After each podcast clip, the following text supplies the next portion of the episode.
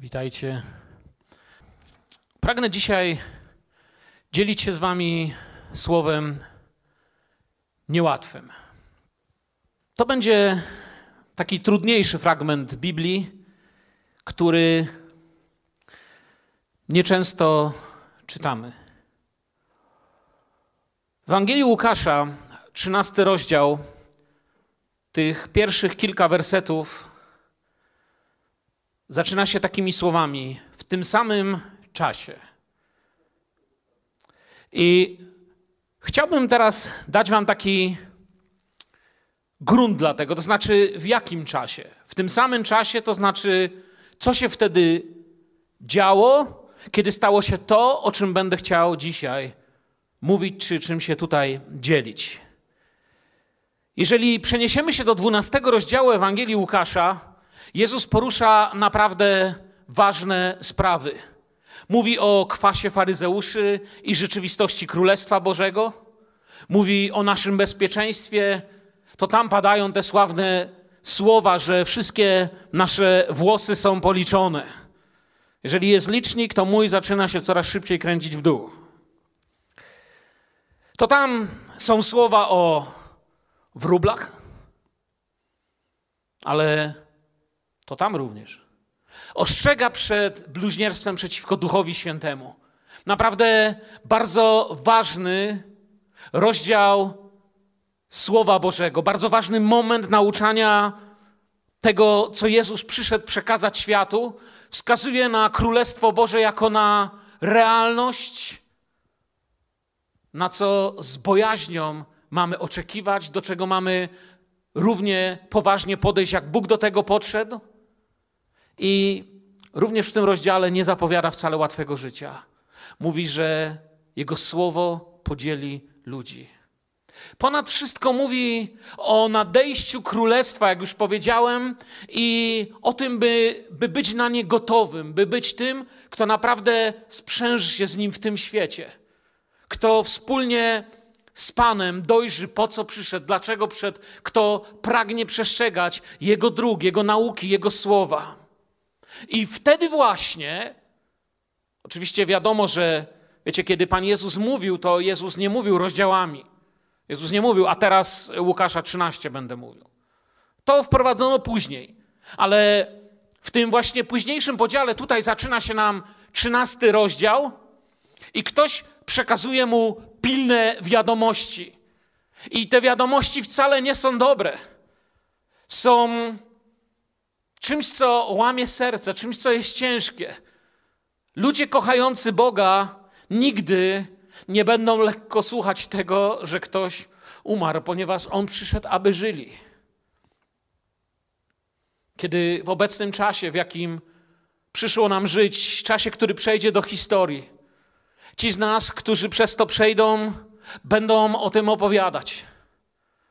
Zobaczcie, jeżeli włączysz wiadomości, wszystko jest na drugim planie. W czwartek w Polsce zmarło 14 osób, 392 zakażone. Idzie dalej. W piątek 14 śmiertelnych przypadków, 437, wczoraj 8, 250. Dzisiaj, dzisiaj serce pęka z żalu, kiedy tego słucham.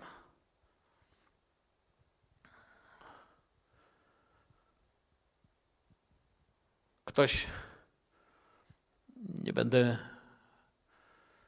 przytaczał kto, powiedział, że należał się ten wirus światu, bo może się opamięta. To nie jest tak. Ktoś zupełnie nie pojął. Jeśli ktoś z nas myśli w ten sposób, to to jest ostrzeżenie dla nas, że mijamy się z tym, do czego zostaliśmy powołani. To jest herezja nienawiści. Nigdy Pan Jezus, nigdy Pan Jezus nie powiedziałby, no dobrze, że się dzieje. Albo nigdy Pan Jezus nie zrobiłby tak, że uzdrowiłby wszystkich innych, ale tych chorych powiedziałby, no tych nie uzdrowię, niech mają za swoje. Nie w ten sposób. Kościół powinien żyć w duchu Pana Jezusa Chrystusa i z ciężkim, złamanym sercem modlić się, wołać o ten świat, ewangelizować go i nieść swoją służbę i odpowiedzialność. Ciągle działają telefony, ciągle działa internet, ciągle możesz ludziom powiedzieć coś więcej niż to, że coś się należało, bo kara na grzeszników i tak dalej. Możesz ludziom powiedzieć, że Jezus Chrystus umarł za nich na krzyżu Golgoty, że Bóg ich kocha i że jest u Pana szansa dla każdego grzesznika. A więc oto Jezus mówi o królestwie i o duchowym życiu, gdy właśnie ktoś przynosi takie, jak to mówią, break news. Ktoś przynosi wiadomości. Jezus nie odpowie na to, zaraz będziemy czytać ten fragment, że, że to nieważne, że słuchajcie, nie zajmujcie się tutaj polityką ani sensacjami. To nie jest ważne, nie. To nie jest to, co on powie. On im odpowie i da odpowiedź z perspektywy królestwa. I tak chciałbym spojrzeć dziś na ten fragment. Łukasz 13, przeczytajmy od pierwszego wersetu. W tym samym czasie jacyś ludzie oznajmili Jezusowi o Galilejczykach, których krew Piłat zmieszał z ich ofiarami. A on odpowiedział im: Czy myślicie, że ci Galilejczycy byli większymi grzesznikami niż pozostali mieszkańcy Galilei, że tak ucierpieli? Nie, mówię wam. Lecz jeśli się nie opamiętacie, wszyscy podobnie poginiecie. Albo czy myślicie, że tych osiemnastu, na których runęła wieża w Siloe i zabiła ich, było większymi winowajcami niż pozostali mieszkańcy Jeruzalem?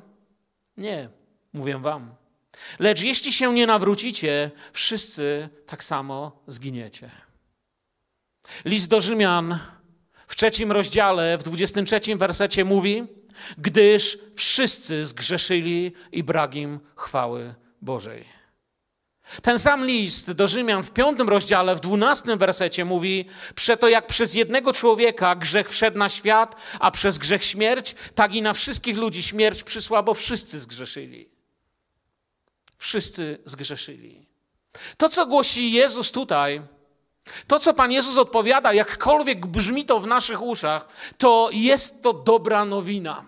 Tak właśnie, jest to dobra nowina. Jej światło oświetla czasami mroczne fragmenty naszego życia.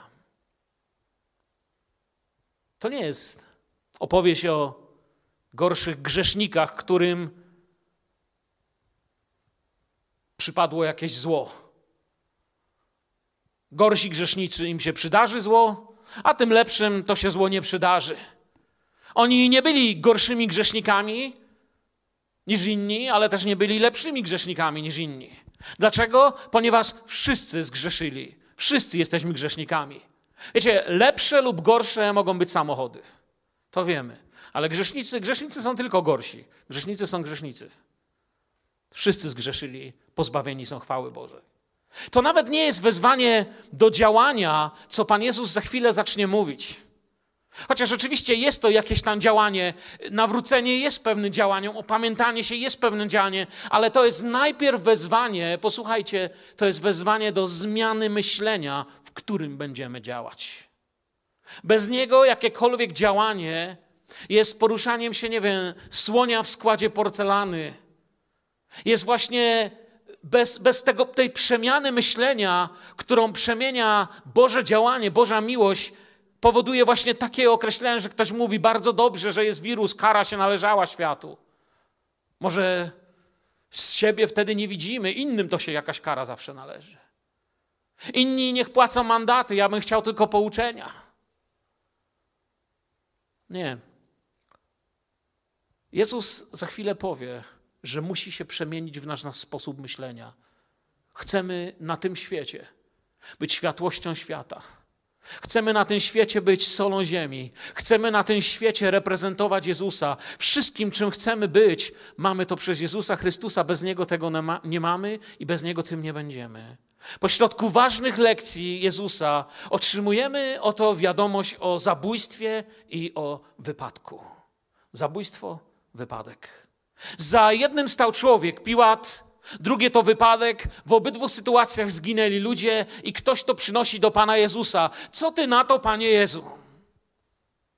Zadają się, wydaje się, że pytają wszyscy: Co, co ty na to, panie Jezu? Zadają mu pytanie. Tym poinformowaniem o tych wydarzeniach. To właśnie takie wydarzenia nami wstrząsają. No bo gdyby powiedziano, że Rzymianie zabili jakiegoś zbuja, złodzieja, gwałciciela, kogoś, kto czynił straszne zło, wtedy wszyscy powiedzieli, no prawo rzymskie, no tak to, tak to było. No ale tutaj od Boga oczekuje się odpowiedzi. To pytanie nie było tam zadane Jezusowi o tak. W tłumie, który go słuchał, byli ludzie, którzy oczekiwali odpowiedzi i byli pewni, że usłyszą, kto ma rację, kto jej nie ma, co i dlaczego. Jacyś ludzie, werset pierwszy mówi, oznajmili Jezusowi o Galilejczykach, których krew Piłat zmieszał z ich ofiarami. Dokładniej to, o czym tutaj donoszą Panu Jezusowi ludzie, jest słabo opisanym faktem wtargnięcia rzymskich żołnierzy na takie, nie wiem czy mogę tu użyć spotkanie niemodlitewnie, religijne spotkanie zelotów podczas ich uroczystości religijnych. Zeloci, wrogowie Rzymu, żydowscy nacjonaliści, czy Mesjasz nie powinien stać właśnie po ich stronie? Przecież oni mają rację, tak się uważało tam. Precz z Rzymianami. Niech żyje nasza wolność. Ale niestety Rzym pod twardym butem trzyma swoje terytoria.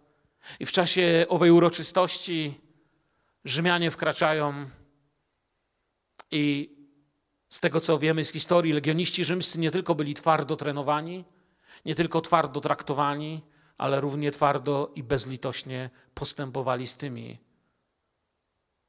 którzy wchodzili im w drogę, szczególnie jeśli dostali rozkaz zgładzenia ich. Mesjasz przecież powinien stać po ich stronie, by się wydawało. Na pewno są tacy w gronie słuchaczy, co tak myślą. Wiecie, ciągle ktoś Jezusowi chciał mówić, jakim powinien być Mesjaszem, jak powinien przeprowadzić zbawienie, czyją stronę trzymać, czyją nie trzymać, kto ma rację. Próbowano go w to wciągnąć. Od kuszenia na pustyni do śmierci krzyżowej ktoś miał plan dla Jezusa. Kiedy był na pustyni, diabeł mu podpowiadał różne sposoby. Po drodze ludzie próbowali go skorumpować, a kiedy był przybity do krzyża, nawet tam krzyczeli: no jeżeli to ty, to zejdź. Jeżeli to ty, to zrób coś, co nam się spodoba. Oni mieli swój plan dla tego, jak ma wyglądać Zbawiciel, jak on powinien działać. Ale kiedy doszło do tego miejsca, że Syn Boży wziął na swoje ramiona krzyż i wyruszył w kierunku wzgórza zwanego trupią czaszką, kiedy wyruszył w kierunku Golgoty, to egzekucje wykonają zarówno Żydzi, jak i Rzymianie. Jesteśmy zarówno tymi i tymi. To ja trzymałem młotek, ja podawałem gwoździe, to ja krzyczałem ukrzyżuj. To jest to, co przychodzi do nas, to jest to, co zaczynamy pojmować, gdy patrzymy na Golgotę. To moje grzechy. Tam na krzyżu egzekucję wykonają zarówno Rzymianie, jak i Żydzi, żołnierze i religijni aktywiści, bo Mesjasz nie stanął po stronie żadnego z nich, bo Mesjasz przyszedł, by wypełnić Bożą wolę miłości wobec grzesznika. Psalm drugi zapowiadał to. To już tam było napisane, że powstają królowie ziemscy i książęta zmawiają się z połem przeciw pomazańcowi, czyli Mesjaszowi jego. Tak, świat i religia przyleją jego krew. On zwyczajnie nie pasował. Jesteśmy świadkami na świecie ciągłych wojen, przemocy, tragedii. Żyjąc na tym świecie, oglądamy to z bliska. Oglądamy to w wiadomościach, to nam tu towarzyszy. Widzimy, że ten świat jest uszkodzony, że coś jest nie tak. I musimy mieć na to Bożą odpowiedź. Ona nie będzie właściwa i miła ludzkiemu zrozumieniu. Jezus odpowie, ale to nie wpasuje się w nasz świat, w nasze pojmowanie sprawiedliwości. to wpasuje się tylko w tego, kto przemieni swój sposób myślenia na sposób królestwa. No bo pomyślmy sobie, czy gdyby Jezus usunął Rzymian, posłuchałby i zrobiłby to tak widowiskowo, usunąłby Rzymian, a władzę oddałby faryzeuszom i apostołom, albo nawet lepiej, samym apostołom, czy byłoby lepiej? Czy naprawdę łudzimy się, że powstałaby kraina szczęśliwości? Z historii wiemy jedną rzecz. Zawsze, kiedy Kościół pchał się na tron, zawsze, kiedy Kościół ciągło do władzy, stawał się kościołem skorumpowanym, zepsutym i kościołem z krwią na rękach. Kościołem, który zupełnie zapominał, po co głosi.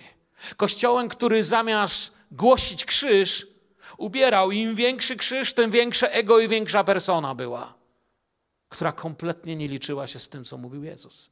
Historia nam pokazała, że to nie działa. A więc to nie byłoby rozwiązanie. Jezus przyniósł Królestwo Boże, nie reformy na stołkach. Jezus nie przyszedł pokazać Rzymowi ani żadnemu innemu systemowi tego świata, kto tu rządzi, kto jest ważniejszy, to nie jest przesłanie Pana Jezusa. On jest tym, który mył nogi. On jest tym, który wierzył w to nasionko miłości. On jest tym, który mówił: bądźcie ostatni. To jest prawdziwe pierwszeństwo. Bądźcie sługami, tak jak ja jestem sługą.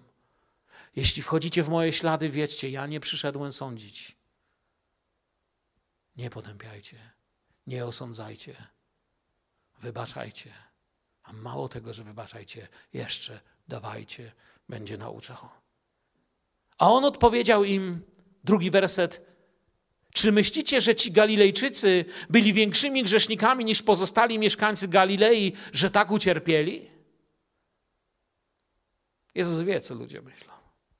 Wielu uważa w tym tłumie, że Jezus być może potępi Piłata, że może tu się da sprowokować. Teraz coś na pewno powie. No teraz Piłat przesadził. Piłat był okrutny i zły i tego nie da się zaprzeczyć. Piłat się, jakbyśmy to dziś powiedzieli, nie patyczkował z nikim. Ale Pan odwraca uwagę od Piłata i przenosi ją na zamordowanych Galilejczyków, tylko po to, by zaraz potem przenieść ją na słuchaczy i na Twoje i moje wnętrze. Tu, pośród Żydów przecież, w tym tłumie, gdzie stoi Jezus, wypada być po ich stronie. No tym bardziej, że byli słabsi przecież. A ludzkie myślenie jest takie, jeśli ktoś jest słabszy, no to na pewno ma rację. Skoro ci silniejsi myślą, skoro jestem silniejszy, to pewnie ja mam rację. Ludzkie sposoby myślenia. Jezus gdzie indziej prowadzi nasz, nasze rozważanie. Czy ktoś myśli, że byli gorsi niż inni? Może dlatego właśnie zginęli. Tak, musieli być gorsi niż inni. Nie. Czy my myślimy, że ludzie, którzy giną w jakichś dziwnych okolicznościach, wypadków, śmierci, czy tego, co teraz słyszymy, są gorsi, a my jesteśmy lepsi, bo ciągle żyjemy? Czy naprawdę ktoś z nas w ten sposób jeszcze się oszukuje? Jezus zna nasze serca, wie, że czasami w nienazwany sposób jest to w naszych no, no widzisz, co mu się stało, no, no widać coś nie tak, no. Może Rzymianie tak myśleli. Rzymianie zresztą kpili z Boga Żydów. Uważali, że ich bogowie są najwięksi, najważniejsi, że ich cywilizacja naprawdę niesie światło oświecenie, ale nie. Żydzi mieli w sobie dokładnie to samo. Tak jak my. Ja, ego, moje jest najważniejsze grzech. Grzech jest Piłata widoczny. U jego ofiar jest niewidoczny, no bo to w końcu ofiary, no nie mówmy źle o zmarłych. Nie? Dla nas, dla nas prawie niewidzialny. Nie widzimy siebie. I to jest to, co tutaj chce Pan pobudzić. Czy nie zrozumieliście, że to, co dziś Czy nie pojęliście, że to, co dziś komentujecie, jutro możecie przeżywać? Czy nie pojmujemy, że kiedy oceniamy i osądzamy bliźniego, jutro możemy siedzieć na krześle ofiary? Spotkanie z wiecznością jest jednym z najważniejszych miejsc istnienia ludzkiej istoty. Nie ma w Twoim życiu niczego ważniejszego. Wiem, że bardzo ważne było spotkanie, kiedy pierwszy raz spotkałeś Twoją żonę albo Twojego męża. To było ważne. Wiem, że być może bardzo ważnych kilka innych rzeczy było w Twoim życiu, kiedy spotkałeś się z nimi, ale spotkanie z wiecznością Bóg uznał za coś tak ważnego, że posłał swojego syna, który przekazał nam nauczanie Królestwa Bożego na ten temat. To jest najważniejsze z miejsc życia człowieka. Czwartym wersecie Pan mówi: Albo czy myślicie, że tych osiemnastu, na których runęła wieża w Siloe i zabiła ich, było większymi winowajcami niż pozostali mieszkańcy Jeruzalem?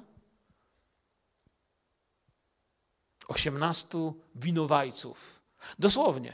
Tam w przekładzie greckim jest napisane, czy tych osiemnastu dłużników, tam jest też słowo dłużnik. Ja nie wiem, co byli dłużni. Prawdopodobnie byli dokładnie dłużni to, co my jesteśmy dłużni. Co myślicie o nich? Dłużnicy, mo, mo, może za to. Mm. Ich problemem było to, że w dniu spotkania nie byli gotowi na spotkanie z wiecznością. Byli, jeśli czegoś byli winni, to byli winni braku opamiętania. I to jest pytanie, które powinniśmy my sobie zadać. Czy opamiętałeś się? Czy pomimo tego, co się dzieje na świecie, nadal uważasz, że jesteś sprawiedliwszy niż innych? Nadal uważasz, że możesz kłamać własną żonę, własnego męża? Że możesz nie modlić się o swoje dzieci? Nadal uważasz, że, nie wiem, pornografia, plotki, i wszelkiego zło akurat w Twoim wypadku jest czymś mniejszym niż w wypadku innych? Czy nadal uważasz, że nieszczęścia ci się zdarzają tym złym? Największym problemem człowieka w spotkaniu ze śmiercią i z wiecznością jest jego niegotowość. Czy jesteś gotowy na wieczność? Ktoś powie, ależ to jest przesłanie pełne braku miłości. No, no to pojechałeś, bracie, żadnej miłości. Jest miłość. Chcesz zobaczyć? Na Golgocie Pan Jezus wziął na siebie każdy z tych grzechów naszych. Jezus to wziął na siebie. Moje grzechy. Tysiące razy w życiu musiałem mówić ludziom przepraszam. Tysiące z tych rzeczy nie pojmowałem, ale On wziął to na siebie. On poniósł moje grzechy. Dźwigał je na swoich własnych plecach na Golgotę, Twoje i moje. To nie to, że byli szczególnie winni i dlatego zawaliła się wieża. Byli niegotowi. Nie byli przed Bogiem tym, kim powinni być. Kim dziś jestem przed Bogiem. Nie byli gorsi. My nie jesteśmy lepsi. To nie jest miara Królestwa Bożego. Chcemy czasem uważać tak, że klęski, wypadki i inne rzeczy to kara. Wiecie, człowiek, który pojmuje królestwo, i to samo widzę dzisiaj. Widzę to w życiu misjonarzy. Widzę to w życiu ludzi, nawet którzy może nie przeczytali ani raz w życiu Ewangelii, ale pojmują coś na temat służenia bliźniemu. Oni idą tam, gdzie jest ta klęska. Oni nie mówią, a tam są ci gorsi. Misjonarze szli tam, gdzie było niebezpiecznie. My chcemy uważać czasami, że klęski i wypadki to, to kara. Wiesz co? To nie może być kara, bo karę już ktoś położył na jego plecy. Ten świat się rozpada z powodu grzechów. Światy i wszechświaty zostały stworzone ręką Jahwe, ręką Boga. Jeżeli z tego zaczyna się zabierać Boga i wyciągać, to jest, to jest jak dom bez zaprawy. To jest jakby ktoś wyciągał to, co podtrzymuje wszystko. Jeśli w tej chwili słuchasz mnie i rozlatuje się Twoje życie, to dlatego się właśnie rozlatuje, że gdzieś brakuje Ci tego, co tylko Bóg może zmienić. To nie jest kara, to jest następstwo. Kara, kara położona została, jak już mówię, na jego plecy. To jest śmierć. Świat umiera i żyje w grzechu, który niesie śmierć. I teraz mamy zarazę koronawirusa, innym razem były wojny. Po raz pierwszy od 1945 roku Polacy tak się boją miesiąca, który ma nadejść. Ale my nie powinniśmy myśleć w kategoriach kary. Nasze pytanie powinno brzmieć, brzmieć co ze mną, co z moją pokutą, co z moją relacją z Bogiem. Nie poszukiwać klucza, w którym ominą nas trudności i konwulsje tego świata, bo on jest w konwulsjach.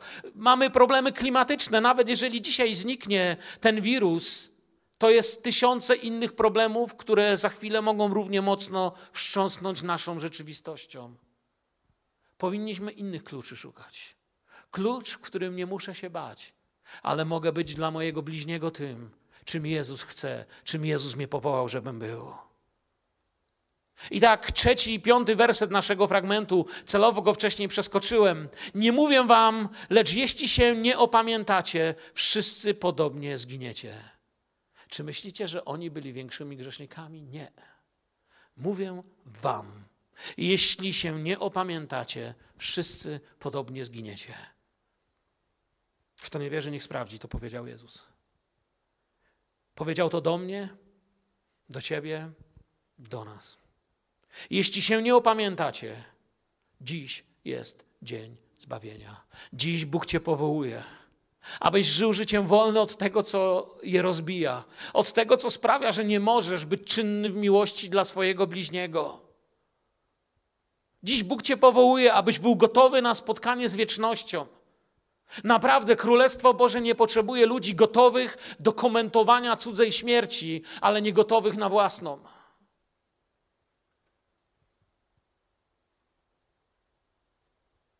Ciekawostka, taka historyczna, nie musicie się z nią zgadzać. Jeden z ojców Kościoła z VIII wieku, Beda Czcigodny, zastanawiał się nad tym fragmentem. Dzisiaj rano czytałem sobie, co powiedział o tym fragmencie i wyciągnął taką lekcję. Mówi, w 40. rocznicę męczeństwa naszego Pana na Golgocie. To był około roku 70. Wypełniło się to w potężniejszy sposób niż wtedy tam. Bo tutaj mówimy o tym, że Piłat zabił jakąś garstkę zelotów, co jest straszne, ale to była ciągle tylko pewna grupa ludzi. I że wieża w Silo runęła na ludzi. Beda Czcigodny mówi 40 lat później Ci, którzy się opamiętali, nie byłoby już, ich już w mieście. I Bedasz Czcigodny mówi tam 40 lat później, w potężny sposób, krew mieszkańców Jerozolimy została przelana w świątyni, a wieże tego miasta runęły na ich głowy. Kiedy Tytus otoczył to miasto. Jezus to też zapowiadał. Czy byli gorsi od nas, zastanawiałem się. Nie wiem, ciekawa myśl tego człowieka, ale to, co mnie uderzyło, to znowu to nasze, aha, no widać nie pokutowali, no mają za swoje. Czy byli gorsi? Nie. Wiecie, mają za swoje jest chyba najgorszą rzeczą, jaką chrześcijanin może wypowiedzieć. Jeśli się nie opamiętacie, to nie inaczej, ale wszyscy tak samo. Jesteśmy w złym miejscu bez opamiętania. Nieważne, gdzie jesteś, pośród jakich wydarzeń i po jakiej stronie. Ludzie, sytuacje, najważniejsze pytanie musi zostać zadane, najważniejsza prawda musi zostać wypowiedziana do mnie i do ciebie. Jeśli się nie opamiętacie, wszyscy podobnie zginiecie. To opamiętanie i nawrócenie jest najważniejszym pytaniem życia, jest najważniejszą decyzją życia. Większość świadectw, które tutaj składaliśmy w tym kościele, kiedy jeszcze tłumnie na tej sali się zbieraliśmy, dotyczyła tego momentu przed i po spotkaniu z Jezusem, kiedy spotkałem Jezusa. To to, co rozbijało moje życie, moje małżeństwo, To, co rozbijało wszystko wokół, zaczynało się zmieniać, bo nawróciłem się i nareszcie nie tylko poskładałem swoje życie, że tak się wyrażę do kupy, ale mogłem pójść i służyć innym. Byłem uzdolniony do miłości, która była czymś dużo więcej niż słowa. To są wasze świadectwa, kiedy służycie i teraz, kiedy wielu z was służy. To nie tak, że ludziom wydarzają się złe rzeczy, gdy są gorsi od nas albo bardziej grzeszni. Nie, mi się nie wydarzą. Ja się trzymam z dala od kłopotów. Nie. Jeśli się nie opamiętasz, tak samo, tak samo, tak samo. My nie znamy dnia ani godziny. W tym świecie są burze. Nie znamy dnia ani godziny, ale wiecie co? Nawet gdybyśmy poznali dzień i godzinę, to by nam wcale nie pomogło. To by nas jeszcze bardziej rozbiło. To, co nas scala, co czyni nas zdolnymi do takiego życia, do jakiego powołał mnie Jezus, to jest poznanie Jezusa Chrystusa, a nie swojego dnia i godziny. Jeśli się nie opamiętacie, a jeśli się opamiętamy, to co? Myślę, że Wtedy Bóg nam powie tak, wtedy wszystko inaczej zobaczycie.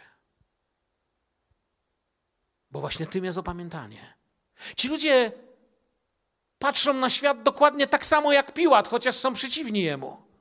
Patrzą na to, co zrobił, przyglądają się temu, co Jezus powie o wieży w Silo, która się zwaliła.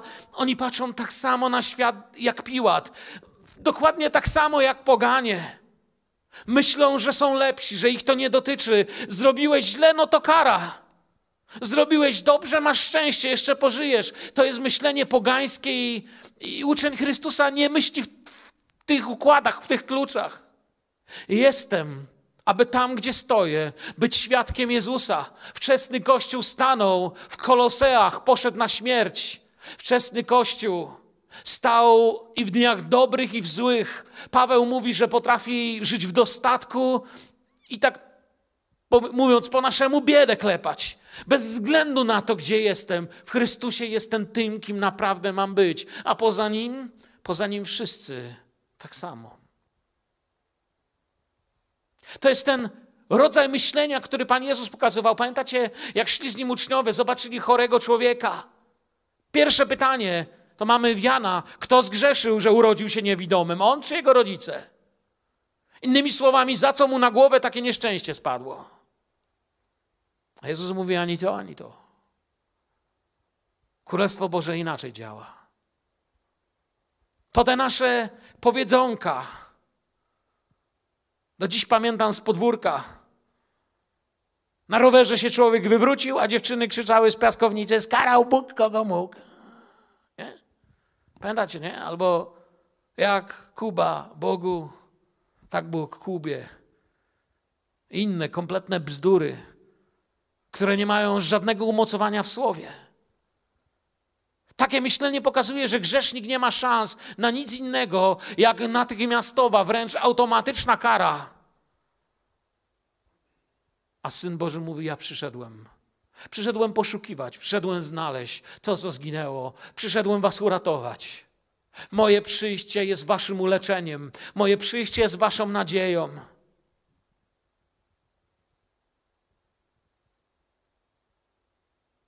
Prawda brzmi, lecz jeśli się nie opamiętacie, wszyscy podobnie zginiecie. To nie Bóg, zwalił wieżę na głowy ludzi, ale to ludzie lekkomyślnie budują swoje życie bez pokoju z Bogiem na dzień, kiedy najbardziej właśnie Jego by potrzebowali. Śmierć w jakichkolwiek okolicznościach, przyjaciele, nie może być miarą dobroci lub zła człowieka. Nie mamy żadnego prawa oceniać świata i ludzi w ten sposób. To Boża łaska jest tym, co czyni z nas ludźmi życia wiecznego, ludźmi, którzy mają głosić życie. To, że ktoś umiera nagle, że jest chory, nie jest miarą jego grzechu lub naszej sprawiedliwości. Bywało tak, że niektórzy głosili, że kto choruje, to na pewno zgrzeszył. Ciekawe, że z reguły koło trzydziestki przestawali, a jak już mieli pięćdziesiąt, to byli pewni, że to tak nie jest. To nie jest miara. Na świecie chorujemy nie dlatego, że zgrzeszyliśmy, ale dlatego, że grzech jest na świecie. I śmierć planuje spotkanie z każdym. Tylko Boża łaska jest tym, co pomiędzy tym może stanąć. A choćbyś i umarł, to żył będziesz. Tylko Boża łaska jest tym, co może powiedzieć tej ciemności nie. Tylko Boża łaska jest tym, co może powiedzieć tego nie ruszysz. Bo choćbyś umarł, żyć będziesz, bo ten dom nie należy. I Jezus tu wzywa do opamiętania. To jest to słowo metanoja, on wzywa do metanoi, bo tak to brzmi po grecku. To metanoja to nie jest zmiana kościoła, że przejdziesz z jednego kościoła do innego i wtedy załatwiłeś sprawę.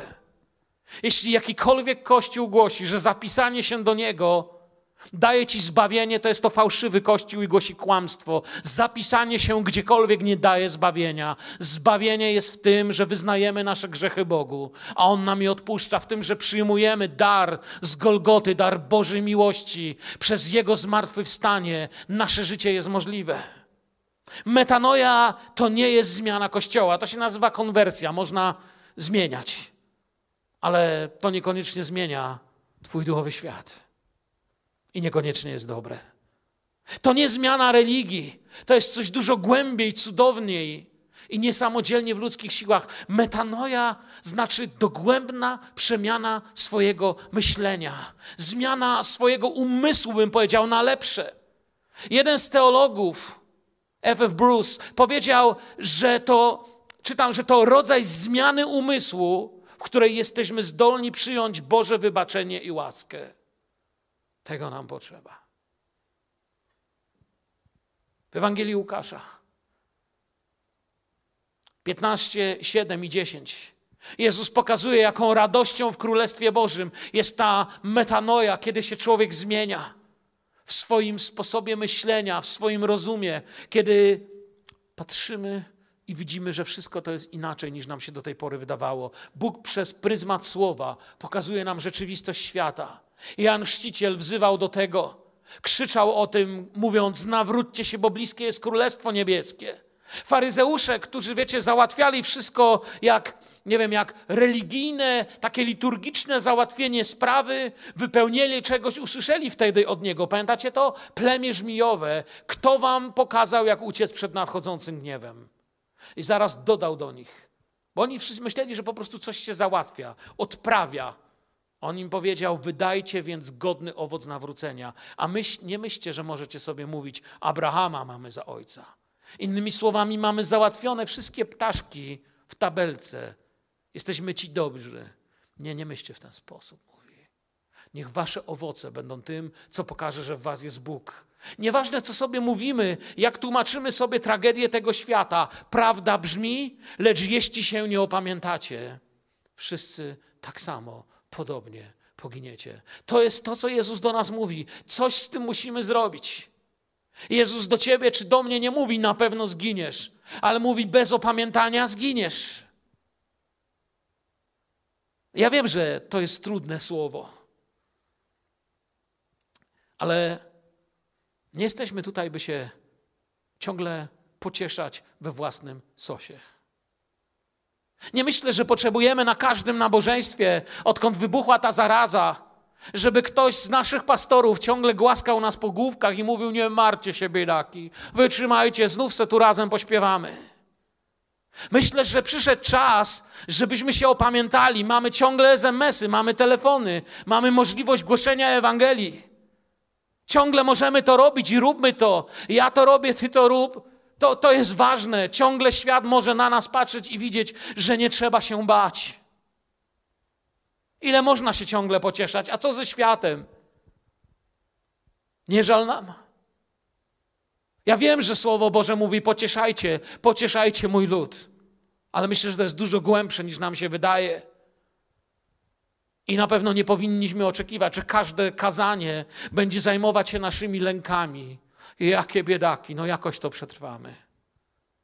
Myślę, że te wszystkie kazania, wykłady, konferencje, pieśni, nasze umacnianie się w służbie, nasze spotkania miałyby nas przygotować na to, co jest teraz, by być świadectwem, świadkami Pana Jezusa Chrystusa.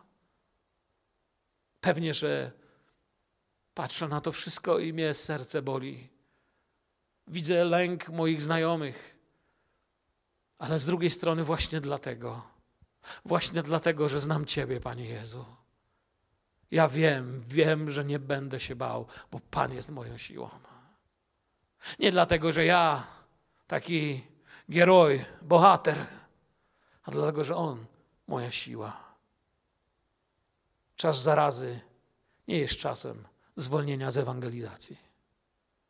Czas zarazy nie jest czasem, kiedy jak uczniowie możemy się zamknąć i zabić dechami nasze drzwi i serca i wyłączyć telefony.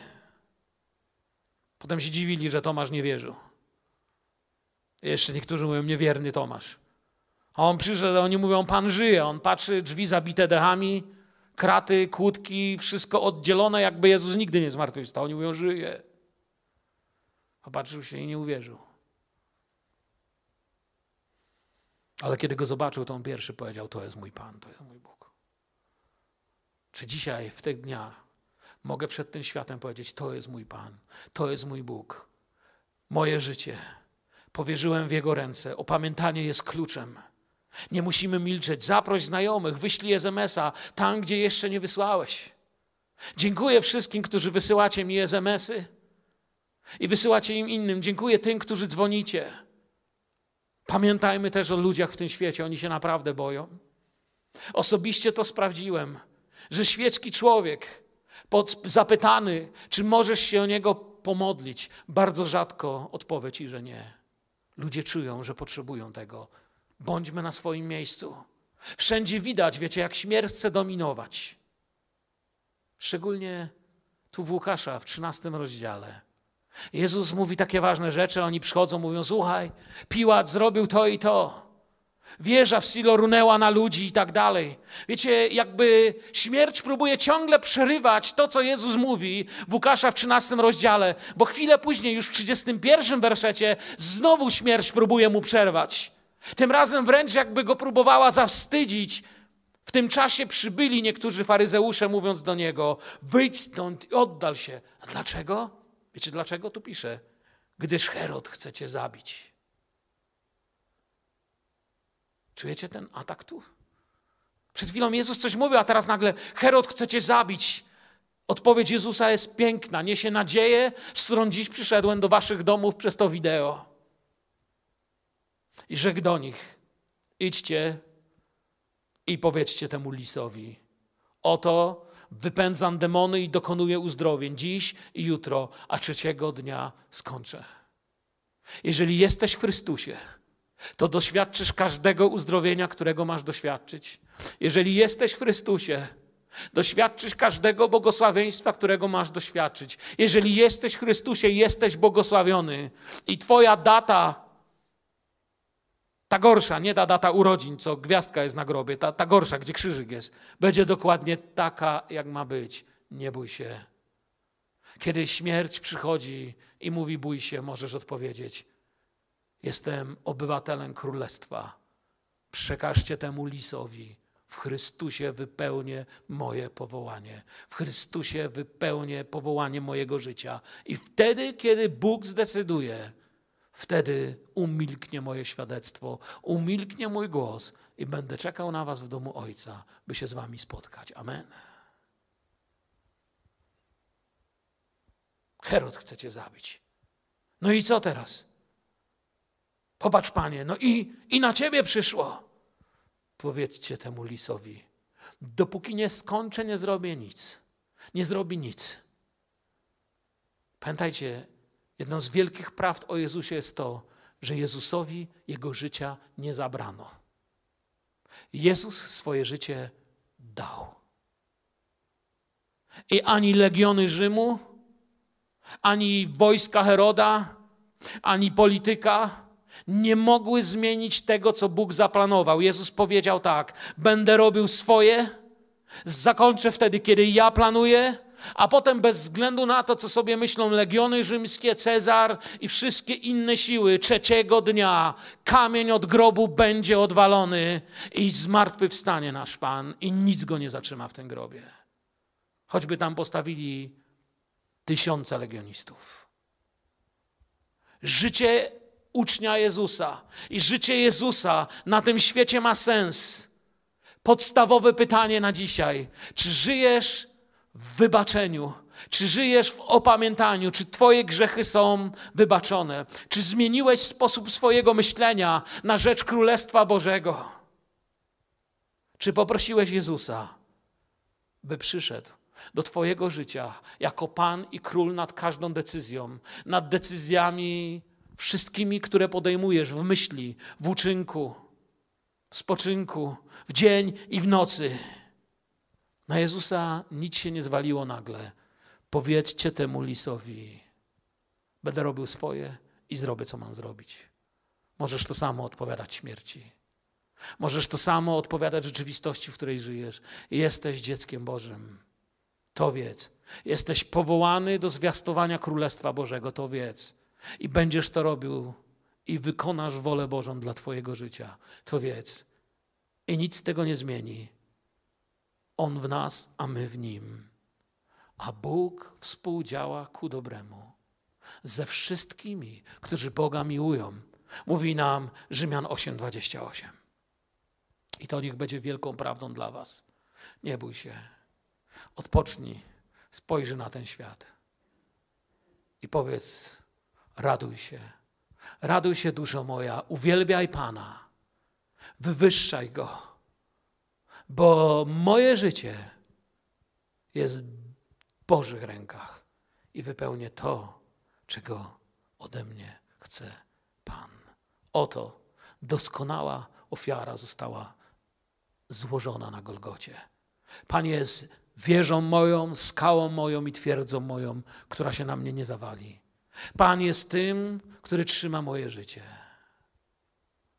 Chciałbym się z Wami pomodlić. Jeżeli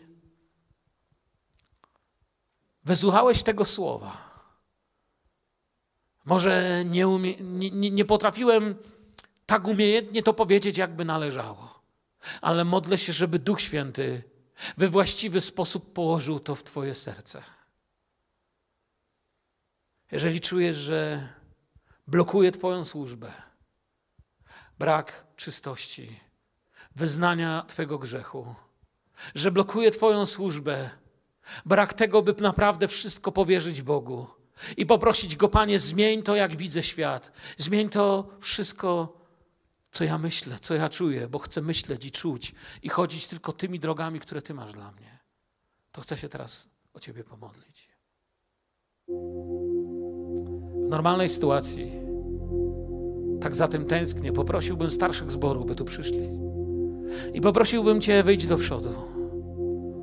Ale może to jest moment, kiedy tam, gdzie jesteś w Twoim domu, powinieneś teraz na kolana uklęknąć przed żywym Bogiem i poprosić rodzinę i powiedzieć: módlcie się o mnie. Jest coś, co muszę załatwić sam z Panem. Być może tam, gdzie teraz tego słuchasz i jesteś sam, potrzebujesz paść na kolana i powiedzieć: Boże, Boże, nie chcę już zmarnować ani chwili. Tam, gdzie jesteś teraz, skłońmy swoje głowy. I chcę się modlić z tymi, którzy tej modlitwy teraz potrzebują. Ojcze, przychodzę do Ciebie w imieniu Jezusa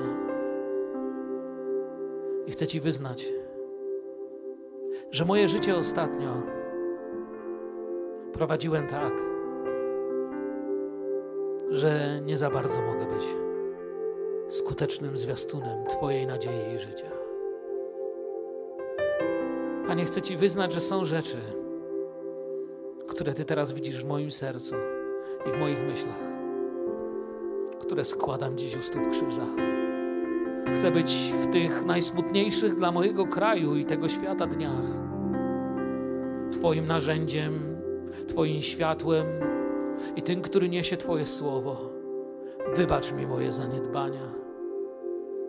Wybacz mi, Panie, to, że zapomniałem jak wielką miłość i łaskę mi ogłosiłeś. I nie powiedziałem tego jeszcze innym. Panie, wyznajemy Ci jako zbór Filadelfia Wyznajemy Ci jako Twoi uczniowie, jako wierzący ludzie. Chcemy być świadkami Twojego miłosierdzia, ratunku i przemiany. Przyjdź teraz do naszego życia i przemieniaj wszystko to, co się Tobie nie podoba, co osądza innych, co stawia nas w miejscach, gdzie w ogóle Ty nie chcesz nas mieć. Przyjdź, Panie, prowadź mnie, prowadź mnie w pokoju Twoim, radości Twojej. Cokolwiek się dzieje na tym świecie, w Twoje ręce składam moje życie. Użyj je. Tobie chwała i cześć.